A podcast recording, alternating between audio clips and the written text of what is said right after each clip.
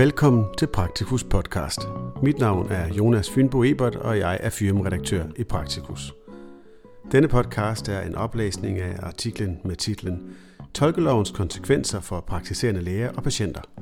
Den er skrevet af Cecilie Hansen, som er forskningsassistent, Annette Sofie Davidsen, Johanna Falby Lindell, Christina Fogman Foskerav, Melissa Lutteroth og Camilla Michaelis. Artiklen kan læses i Praktikus nummer 257, der udkommer i oktober 2021. Artiklens tekst starter her. I 2018 blev der ved lov indført brugergebyr i sundhedsvæsenet ved tolkebistand for patienter med bopæl i Danmark i mere end tre år. Det har påvirket den praktiserende læges behandling af patienter, der har begrænset dansk kundskaber. Tolkeloven er før, under og efter den trådte i kraft blevet anfægtet fra flere sider. Flere organisationer og foreninger, herunder Lægeforeningen, har kritiseret loven for blandt andet at skabe ulighed i sundhed, være en trussel for patientsikkerheden og skabe en større byråkratisk og administrativ byrde for sundhedsvæsenet.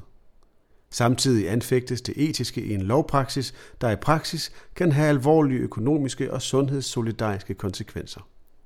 Med dette forskningsprojekt sætter vi således fokus på de problemstillinger, der kan opstå på grund af fravær af professionel tolk i konsultationer, hvor der er en sproglig barriere. Vort mål med vores forskning er at belyse de konsekvenser, tolkeloven har for læger og patienter i praksis.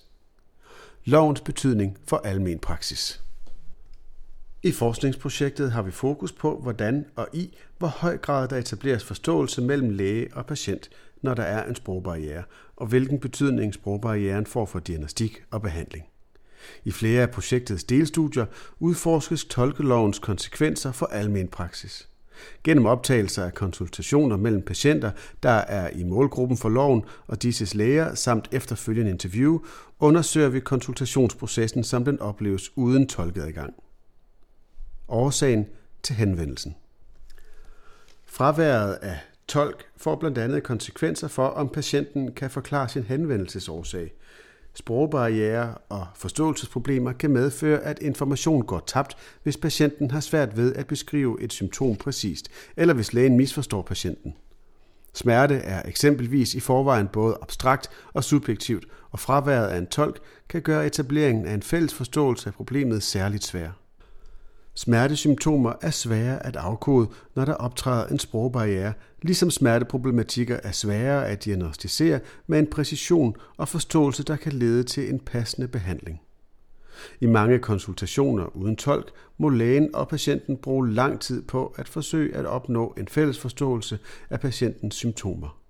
Denne forståelse er afgørende for rettidig og fyldstgørende behandling af patienten. Et eksempel fra vores data illustrerer problematikken. En ældre patient henvender sig flere gange til både vagtlægen og egen læge, men på grund af sprogbarriere forbliver årsagen til og omfanget af hans symptomer uafklaret. Anamnesen udfoldes ikke tilstrækkeligt, og den akutte forværing i patientens helbredstilstand opdages ikke. Den praktiserende læge erfarer derefter, at han er blevet indlagt akut på intensiv med covid-19. Fraværet af tolk kan derfor få store og alvorlige konsekvenser for patientens sundhed såvel som for samfundet.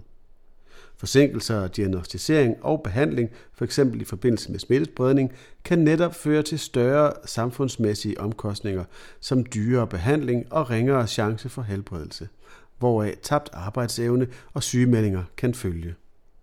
Pårørende som ad hoc tolk.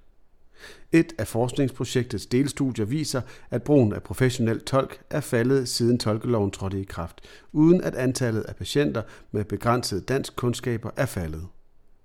I de indsamlede data fra projektets andre delstudier ses dette blandt andet ved, at flere patienter som konsekvens af brugergebyret forsøger at begå sig på et sprog, de ikke er trygge ved, eller de vælger at dække deres behov for en tolk ved at bruge pårørende til at oversætte. Brugen af sådanne ad hoc tolke kan medføre, at patientens udskyder lægebesøg for ikke at bebyrde pårørende, oplever flere af patienterne. Når patienten er nødsaget til at blive ledsaget af en pårørende, har den pårørende forståelse af både patientens forløb og behandling, og af den information og de spørgsmål, som lægen stiller den pårørende. Betydning for overleveringen af informationen mellem lægen og patienten. Dette ses i dette antal taleture, som lægen og den pårørende udveksler, inden patienten begynder at tale. Ligesom i de taleture, som patienten og den pårørende udveksler, hvor der ofte foregår længere samtaler mellem dem. De pårørendes forståelse for patientens problemstilling og lægens overlevering af informationer og spørgsmål til anamnese kan således fylde i konsultationsprocessen og påvirke muligheden for, at der kan skabes fælles forståelse med lægen om patientens problematik.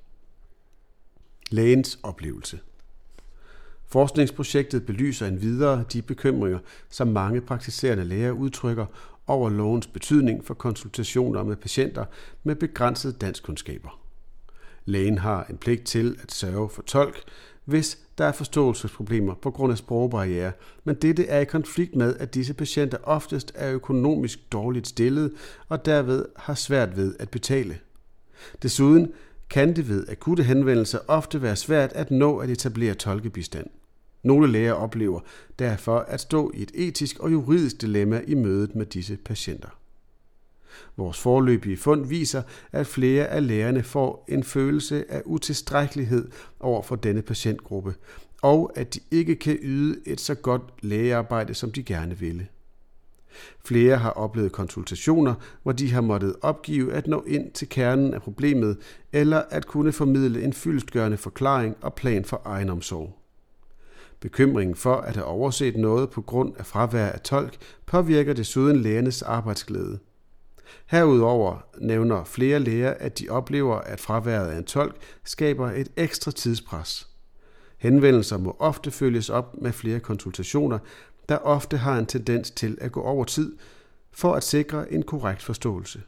Som en konsekvens af loven oplever flere af lægerne således en ringere tilfredshed med deres arbejde. Betydningen af manglende professionel tolkning. Vores forløbige resultater viser, at både læger og patienters mulighed for at opnå en fælles forståelse påvirkes negativt efter indførelse af tolkeloven.